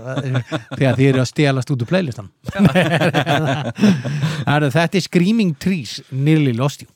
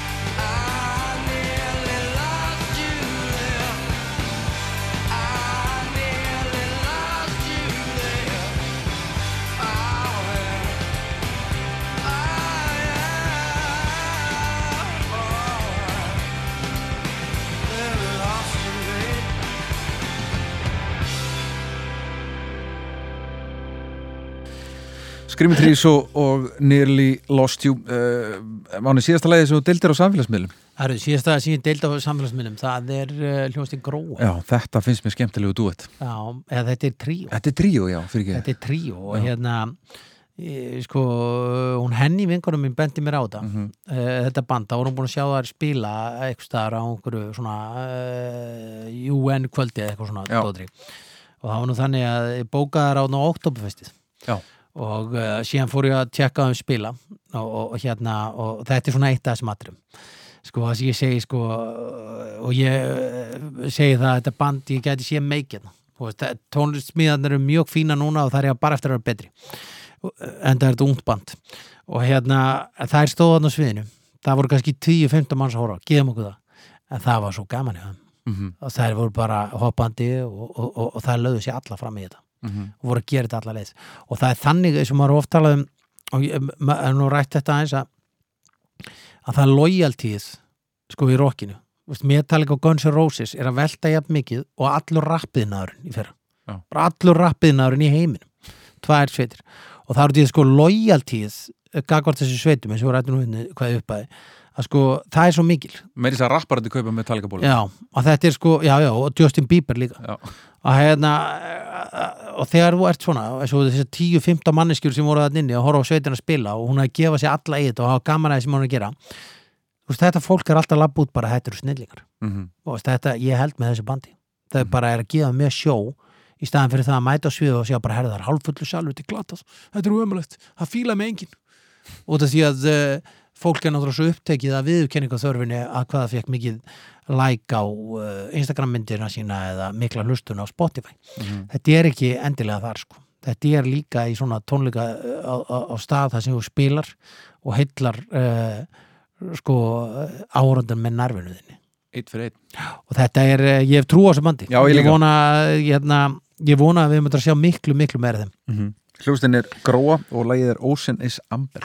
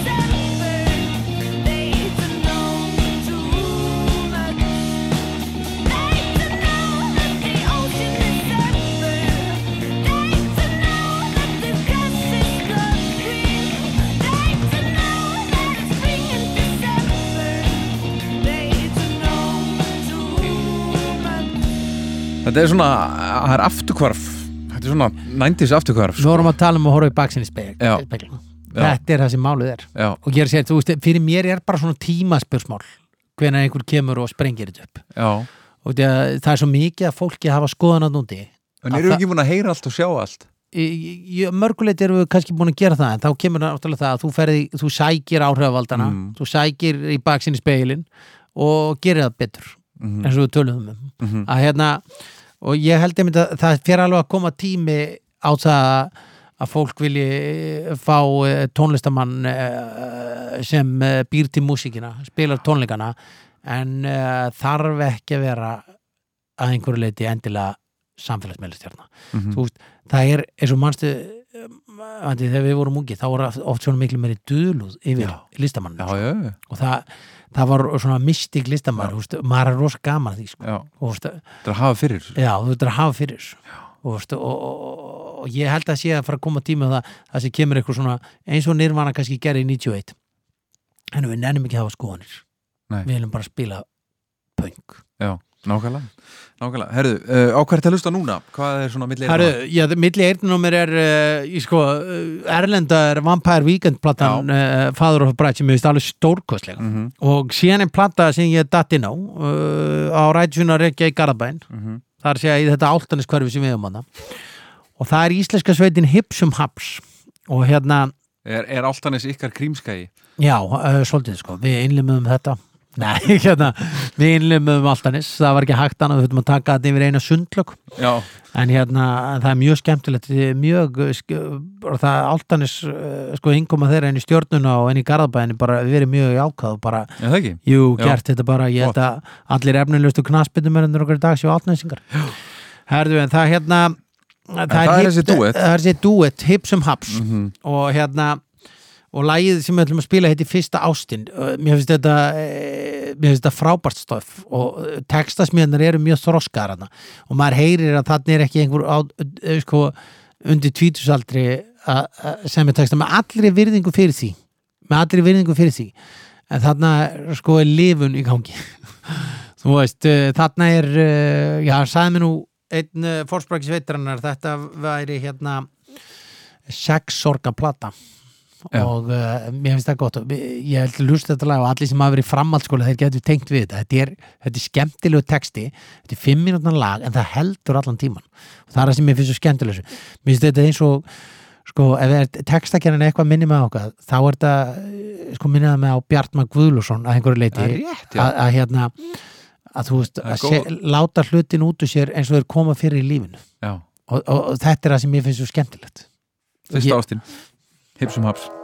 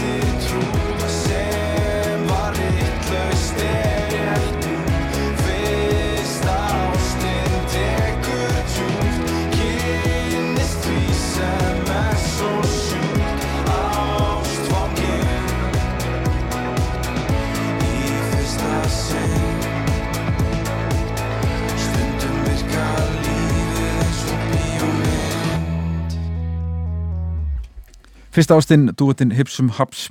Eh, Síðustu tónleikasögu fórst á. Herðu, síðustu tónleika sem ég fór á og ég segi alveg nákvæmlega skoðum mín á þeim tónleikum líka kannski.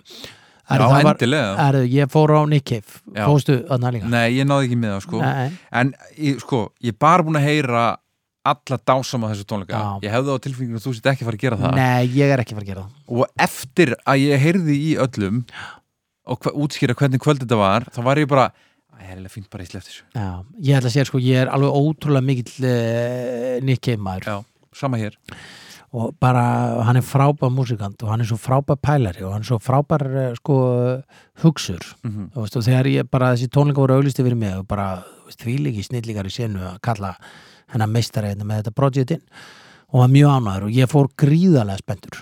Og þetta dró konuna með mér sem er ekki brjálaður er ekki neitt Nick Cave átáðandi herðu, og hann náttúrulega spilaði lögin sín sem eru öll frábær Mhm. það var náttúrulega Á- píanó einni, já? Já. og maður heyrði það og, og, og, Cave og Piano einn er frábær líka en ég var svo ótrúlega spenntur að heyra skoðanir hans og annað og ég verð að segja sko, spurningarnar ollu mér gríðarlegum vombrið ég var alveg bara, ég ætla ég ætla hérna ég ætla að hérna ég ætla ekki að spyrja hann eitthvað spurningu, hann var alveg ákveðið þetta var komið alveg á það að ég var hugsa bara ég verð að fara að spyrja hann eitthvað, sko. ég nenni þess ekki og það sem ma að- að- magnaðasta var að það var einhver þarna, jóka kennar eða eitthvað, ég man ekki tilkynnt það nú eitthvað svona mindful lala, sem fórum með að spyrja sko lífið og dauðan og, og eitthvað svona með Cave. Og var flissa þeirri spurningu.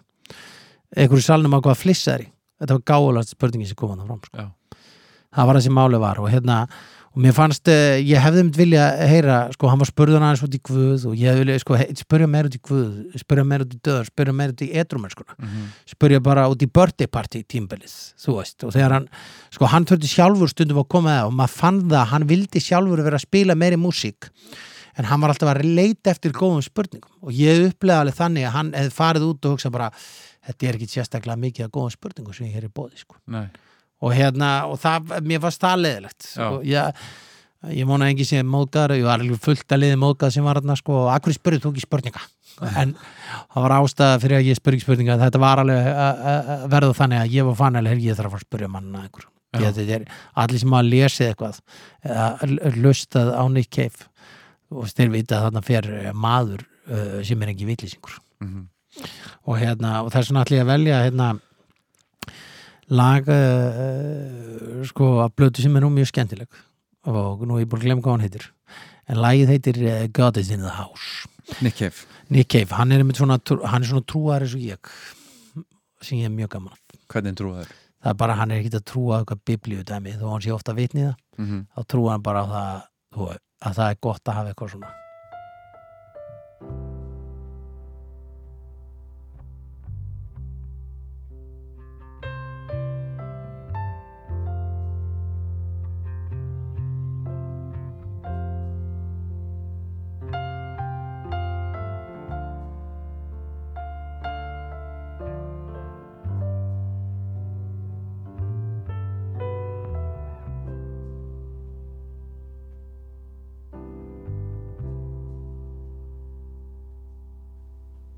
We've laid the cables and the wires.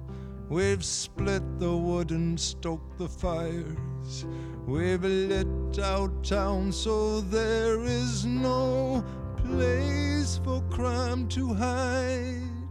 Our little church is painted white, and in the safety of the night, we all go quiet as a mouse, for the word is out that God is in the house.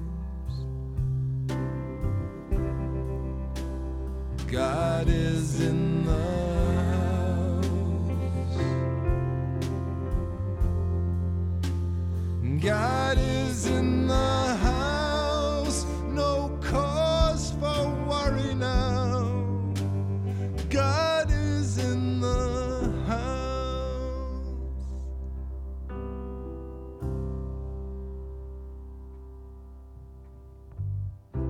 Moral sneaks in the White House, computer geeks in the schoolhouse, drug freaks in the crack house. We don't have that stuff here.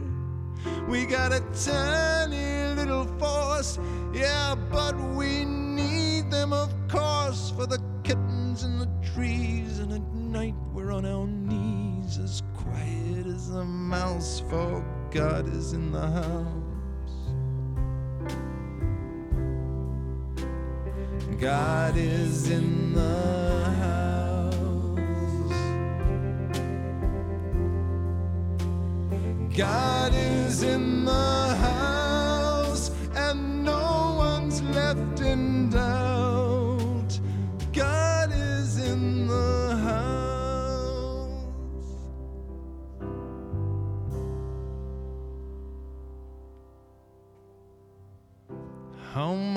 roaming the streets in packs. Queer bashers with tire jacks. Lesbian counterattacks. That stuff is for the big cities. Our town is very pretty. We have a pretty little square. We have a woman for a mayor. Our policy is firm but fair. Now that God is in the house. God is in the house. God is in the house.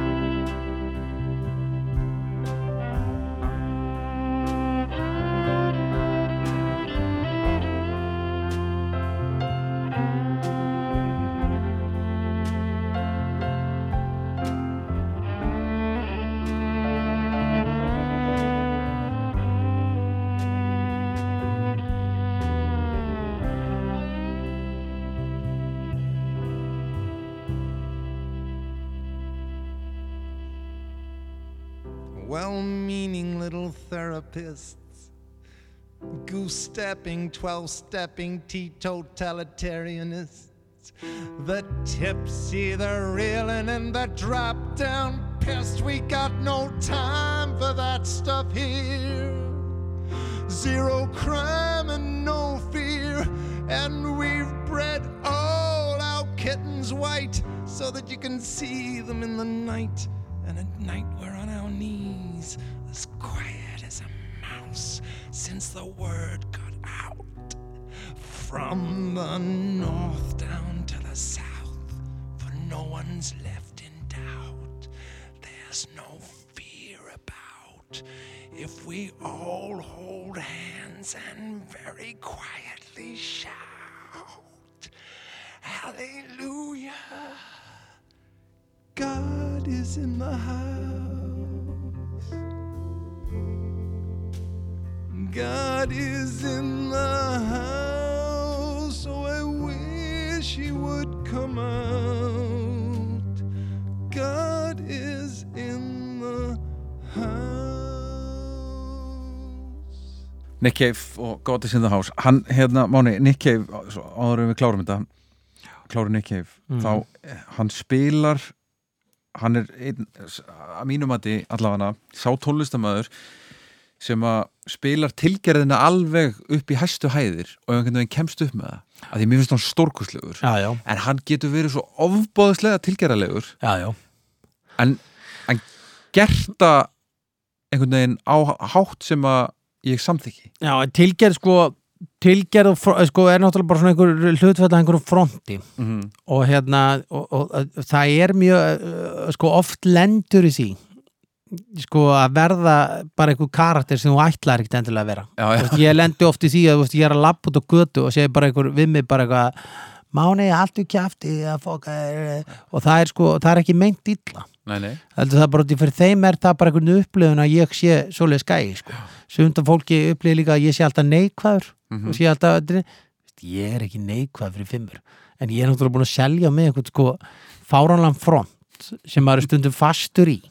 Veist, stundum er ég bara að segja eitthvað rókafullt á samfélagsmiðlum og, og vera með leiðindi. Mhm. bara engri Skilum, það er bara því að maður er komin inn í karatsin Já. og það er kannski það sem Nick Cave gerir og það er að einhverju leiti er maður að gera það til að verja sjálf á sig. Já, já, já. Að maður fer í eitthvað svona annað sjálf. En Og- verja hvað? ég verja, þú veist, bara óryggsitt Já, að vera eh, sko uh, sinninni maður, þú veist, uh, þú hugsaður út í að við hefum alltaf haldið að já, Kurt Cobain og, og, og, og, þessi og hinn artistinn sko, Janis Joplin hver var, sko, þetta lið væri bara svíligri gleði, sko. Já nei, þetta lið var ekki í, þannig, í gleðinni, sko. sko Nei, nei, og, hérna, og það kemur oft, oft í ljós ég held að ég náttúrulega við marga aðra sko. en það er, það er leiðilegt að lendi ég held að Nick Cave sé náttúrulega hluta til að gera það. Já, og ég heyri þetta, maður heyri þetta oft svona á breskum kollegum sínum að þeir eru eitthvað skila meira á því. Ég maður eftir einu spjalli veit sko, bara skildi ekki á, átáðun Ísl, uh, Íslendinga á Nick Cave nei. Það er bara því að þeim fannst þetta bara að vera hálf hallarslegt sko, að einhverju leiti Og það tilgerinn er svo mikil sko. En einhvern veginn kemst hann upp með það sko. já, já, já, hann kemst upp með það. Og, og mér finnst þeim þetta sko, það er svona ákveðin dugluð yfir honum sko. þannig veist, Já, ég meina, hann, er, hann- hann er prinsip maður Ég meina, þú, er ekki sé mynda Nick Cave í joggingbuxum. Nei, nei, nei, Það nei, myndi aldrei gera það sko. nei hann er bara í sútinu sín Já, menn hann er virðist vera hættur að reykja allir það sé málið, sko, ég man þegar hann spila á Broadway síðast þá bara keðjureikt hann upp á sviði já, það drakk kaffi og keðjureikt upp á sviði Já. það er mjög gaman. Ég getur kannski fólk svanildu til hans Já. hörpu og bara, það er ekki, hérna, þú færði ekki á skubakka núna. Nei, það gæti verið. Sko. það gæti verið að sé eitthvað svo leis en mér veist að að þetta er, ef við spáðum niður Matti, að allar sko, sko þú getur fundið fullt af fólki, fólki sem hefur uh, sko reykt sígaretur Já. og reykt og myndir aðeins með sígaretur Mhm. þú hefur aldrei fundið neitt sem er veip Nei, eða með í vörinni heldur nei, nei, nei, nei, nei. aldrei neitt Nei. það er aldrei neitt einhver svona cool náangi sko, uh, uh, sko cool náangi eða gæla hvað sem er með sko veip eða með í vörinni nei. þetta er bara, þetta er bara algjört plepp sko. Já, með rétt Herru, við ætlum að uh, hvaðja, við erum búnir. 20 Já. spurningar eru á enda. Það er bara, síðasta lagið er, er þitt. Já, jarðfarlega, þetta er erfitt að að velja jarðfarlag sko, Já, þetta er fannst skráð núna á safni Ríkisúðansins Já, þannig að sko ástæð fyrir ég vel þetta lag náttúrulega og þetta- mér finnst það skemmtilegt uh, svona einhverju leiti og ég náttúrulega í, í, uh, þegar 80s músikir eða öllu þá uh, endaði ég uh, var ég frekar skríti krakki og endaði svona Queen Main í lífinu og þegar ég náttúrulega átti föðubróð sem bara nánast uh, lamdi mig fyrir þetta sko. Og, og, og hérna og það er svona tími sko ég var með þetta grínast með það svona á fjölskyldu síðu þarna sem voru með það. Einu sinni hef ég sagt sko að Freddie Mercury var í hommi. Og ef þú síðan að læsa mér og klóst í ömmu og því að föðubróðum minn ætlaði bara að berja mig sko, fyrir þetta. Er þau hérna og, þau- og, og síðan getur þú fundið sko viðtöl við umbósmenn sko kvín það sé þeir eru sko, og, og, sko þannig að fólk átti sér ástæfnir sér þetta, fólk átti sér hvað tímandir hafa breyst rosalega að þá til dæmis við umbósmenn sko kvín og þá er hérna þá er að segja, já sko þegar þeir komu fram fyrst þá heldur allir bara að þeir varu hommar. Sem þeir eru náttúrulega alls ekki sko. Eins og það væri bara hræðilegt atrið sko. Núna eru allir bara einn breysa það og fyrst þetta er bara alveg frábært sko.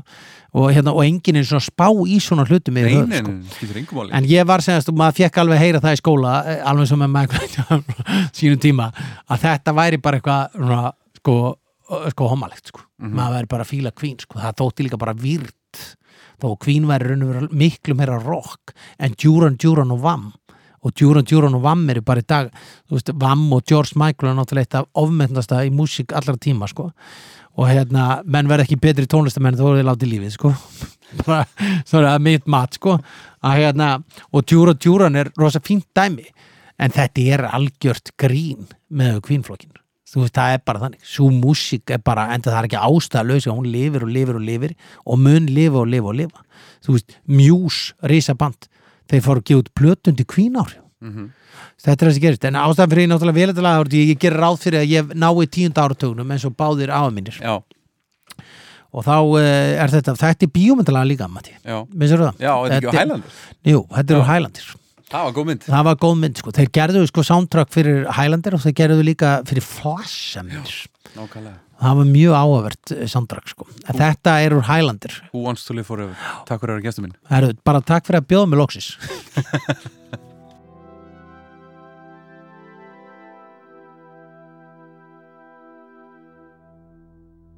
There's no time